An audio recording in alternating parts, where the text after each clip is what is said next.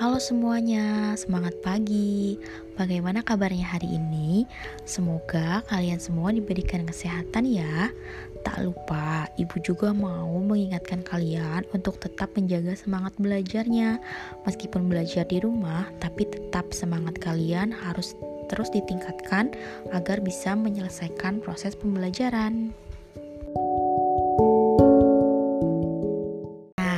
Biasanya ibu memberikan kalian video atau tugas di Google Classroom, hari ini ibu ingin tampil beda dengan memberikan kalian podcast.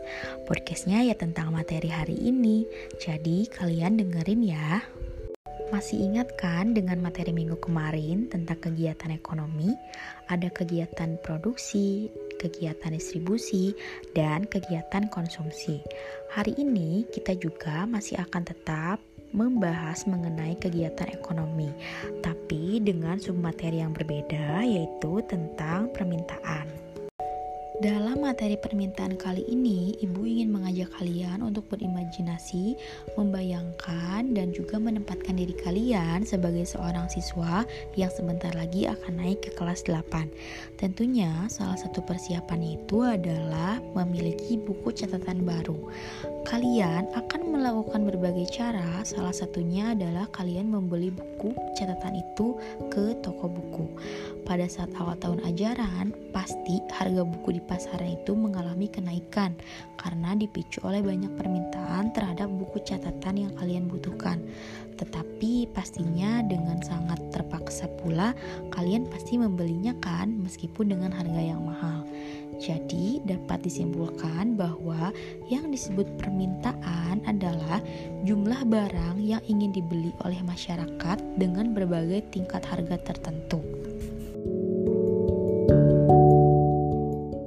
Kenyataan di lapangan ada beberapa faktor yang mempengaruhi permintaan, antara lain ada harga barang, pendapatan masyarakat, selera masyarakat, kualitas barangnya, harga barang lain sebagai perbandingan, dan jumlah penduduk.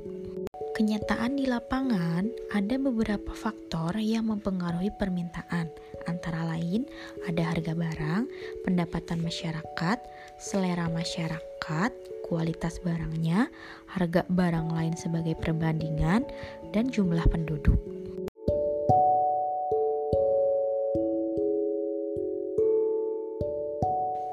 Kalau membahas permintaan, ada hukumnya loh.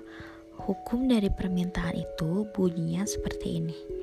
Ketika harga turun, maka jumlah barang yang diminta itu naik. Sedangkan ketika harga itu naik, maka jumlah barang yang diminta adalah turun. Logikanya gini deh, kalau kalian jajan cilok harganya 500 pasti kalian belinya banyak kan? Wah ini cilok murah nih.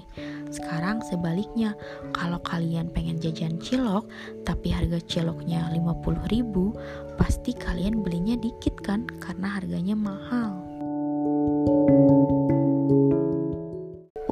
podcast materi permintaan kali ini, Ibu cukupkan sekian ya. Mohon maaf apabila ada kesalahan. Untuk pendalaman materi, nanti kita belajar bareng lagi ya. Sekian dan terima kasih.